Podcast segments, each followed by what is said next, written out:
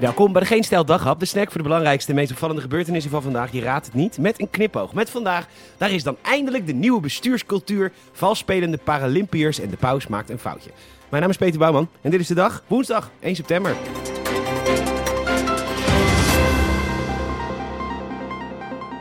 RTL Nieuws bracht vandaag naar buiten dat Johan Remkes... Ah, shit. Ja, het is precies hetzelfde als met Ab, Oster...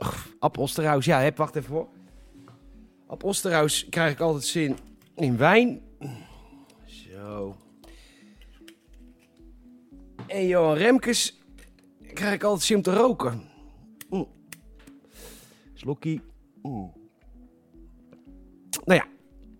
Maar goed, nieuw leiderschap. Johan Remkes, de libero van de VVD, besturend met gochme. Hij, uh, hij schopte de Limburgers terug in het gereel toen ze geen Nederlandse vlag hadden wapperen voor het provinciehuis. What the fuck, Limburger, schijnt de Groningse Remkes gezegd te hebben. Ga eens heel snel de driekleur ophijsen en dan weer snel terug naar de mijnen. In 2018 schreef Remkes een geweldig rapport over vernieuwingen in de Nederlandse democratie. Want wat blijkt nou, daar is best wel wat mis mee. En hij stelde voor het referendum. Maar nee, het volk is koulodom, dus in de prullenbak het voorstel. Ook stelde hij voor meer overheidsregulering voor politieke partijen. Nee joh, politici zijn fucking slim en beter en ze hebben gestudeerd en zo. hey, burger, ga studeren. Overheidsregulering voor politieke partijen. Gast, zou Wopke Hoekstra gezegd hebben. Met je schilderswijkkop, dat gaat de prullenbak in proleet. In 2020 publiceerde Remkes een snoeihard rapport over het stikstofbeleid in Nederland met de pakkende titel Niet alles kan. Nee, maar dat rapport, je raadt het nooit, dat kan wel gewoon de prullenbak in. En een jaar later 2021 wil de VVD dat Johan Remkes de nieuwe informateur wordt,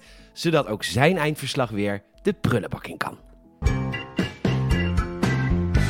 Het AD meldt dat onze landgenoot en Paralympische sporter Rogier Dorsman wordt beschuldigd van valspelen door een Poolse collega. En een enorme belediging overigens, want Wojciech Makowski zegt dat Rogier helemaal niet blind is. Oh my god, too soon. Maar goed, dan vraag je je af, ja dat zal wel valspelen zijn bij het boogschieten of het speerwerpen of het rennen. Nee, Rogier en Wojciech zwemmen. Ongeveer de enige sport waar het een nadeel is als je ogen hebt. Dat tering chloor en weer een setje lenzen kwijt en fuck dat prikt. Bovendien hebben alle zwemmers die meedoen in die categorie een geblindeerde bril op. Dus stel dat Rogier niet blind zou zijn en dan opeens een geblindeerde bril op de kop moest doen. Weet je hoe kut dat zwemt voor een ziende? Dat is geen voordeel, maar een nadeel. Ja, ik loop er zelf niet zo graag mee te komen, maar ik ben er zo jaren ziende. Geef niet, went wel. Maar als je mij morgen met een blinddoek voor op straat laat lopen, wie denk je dan dat er een grotere kans heeft om het te overleven? Jij of ik? Met je verhoogde Spider-Man zintuigen. En oh, wat kunnen we toch extra goed horen. Weet je wat ik denk, meneer Makowski, met je beschuldigingen? Dat je zelf in een verkeerde klasse zit. Je zou niet in S11, maar in S14 moeten zitten voor mensen met een verstandelijke beperking. Nee, wacht, laat maar. Want ook daar ben je te stom voor achterlijke mogol.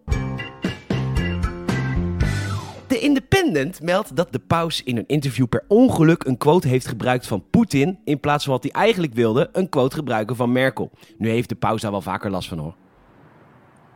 Jezus Christus, danke voor die Blume. Groß deutsches Reich, ein Volk, ein Reich, ein Führer.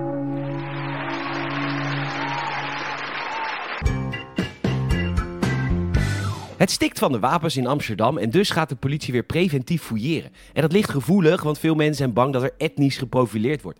Daarom worden er dus nu anonieme burgerwaarnemers ingezet om de politie dan weer te controleren. Een soort mystery shoppers, mensen die graag betast willen worden door de politie. Wie zijn het voor mensen? Nou, guilty. Anyways, bij de Telegraaf laat de politievakbond NPB weten dat, uh, dat ze dit wantrouwen richting de politie helemaal niet zint. En dus gaat de politie nu ook waarnemers inzetten om de waarnemers te controleren. Een gaaf land zijn we, hè? Veel mensen weten dit niet, maar homo's mochten nooit bloed geven. Want homo's hebben in tegenstelling tot hetero's vaak een heel rijk en gevarieerd seksleven. En daarom hebben homo's een grotere kans op SOA's. Dat is nou eenmaal zo. Maar al het bloed ook dat van hetero's, wordt getest voordat het in een willekeurige patiënt wordt ingespoten. Nou, de NOS meldt dat de bloedbank Senquin heeft behaagd dat homo's nu ook bloed mogen geven. Maar dan moet je wel monogaam zijn. Ja, wacht eens even. Je bent de kerk niet? Alleen maar omdat wij wat minder schijnheilig doen over vreemd gaan. Want laten we heel eerlijk wezen, hetero's. Haha, en die ene keer Ja, dat dacht ik godverdomme ook. En die bloedbank kan de dikke stront krijgen, want mijn bloed krijgen ze niet. En ik heb, geen grapje, aan negatief. Ik kan het werkelijk aan iedereen geven, maar ik draag het mijn hele leven bij me. En dan ga ik dood en dan gaat daar fik erin. En dan komen al mijn vrienden en vriendinnen, homo, hetero, man, vrouw, zwart-wit. En die komen dan niet mijn leven vieren. Nee, ze komen vieren dat ik nog nooit iemand aan mijn bloed heb geholpen. En dan wordt er bier gedronken en rijkelijk gegeten. En onder de smeulende lucht van mijn dode, verkoolde karkas en de kots van mijn vrienden wisten ze dat het goed was.